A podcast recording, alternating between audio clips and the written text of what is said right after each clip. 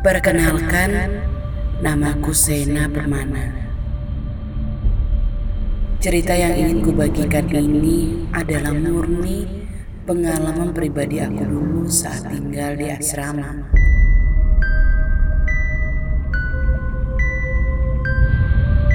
Satu malam yang tenang. Mungkin pukul dua. Saat itu aku bermaksud ingin buang air kecil. Sekedar info, ranjang di kamar asrama kami adalah ranjang double decker, alias ranjang dua lantai. Aku tidur di bagian bawah dan teman aku di atas.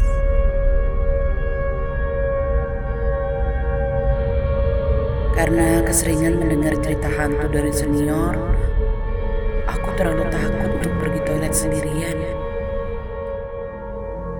Jadi, aku bermaksud membangunkan temanku yang tidur di atas. Namun sayangnya dia tidak bergeming sama sekali. Terpaksa aku memberanikan diri menuju toilet sendirian. Saat itu aku masih kelas 1. Toilet asrama kelas 1 berada di blok berbeda, tapi jaraknya masih cukup berdekatan. Untungnya saat itu jalan koridor terang dan kamar mandi juga terang. Jadi aku merasa lebih tenang.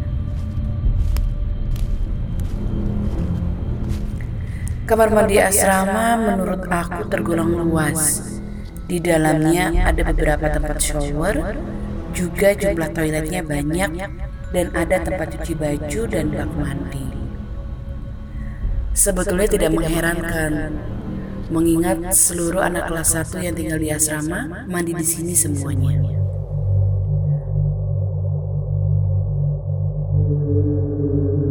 Posisi toilet dekat dengan pintu utama kamar mandi.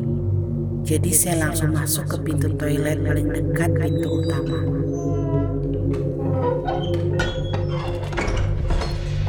Ketika sedang membuang air kecil, tiba-tiba saja aku mendengar suara orang menyikat. Aneh saja, siapa yang menyikat baju di tengah malam begini? Mungkin pengawas asrama? Aku tidak begitu menghiraukannya. Jadi begitu selesai, aku bermaksud langsung kembali ke kamar. Tapi entah mengapa aku penasaran dengan suara sikat itu. Seolah-olah ada yang menarik aku untuk melihat ke sana.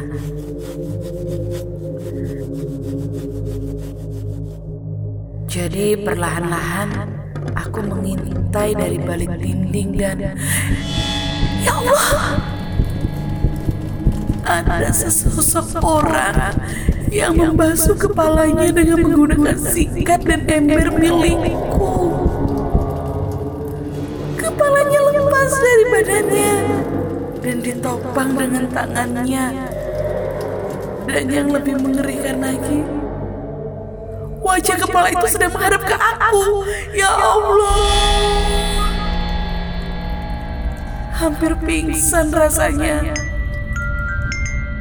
Aku berlari seperti orang kesetanan dan terus-menerus membaca ayat Al-Quran yang aku ingat saat itu. Aku merasa seperti dikejar. Namun aku sama sekali tidak berani menoleh ke belakang.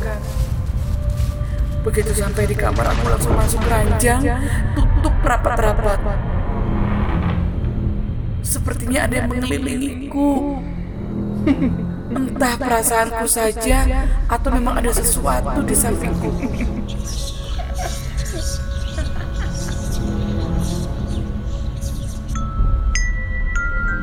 Entah berapa lama akhirnya aku tertidur. Alhamdulillah. Keesokan harinya semuanya normal-normal saja. Tetapi satu hal yang pasti, pada hari itu juga aku buang sikat dan emberku itu. Aku khawatir makhluk itu akan datang lagi menemuiku.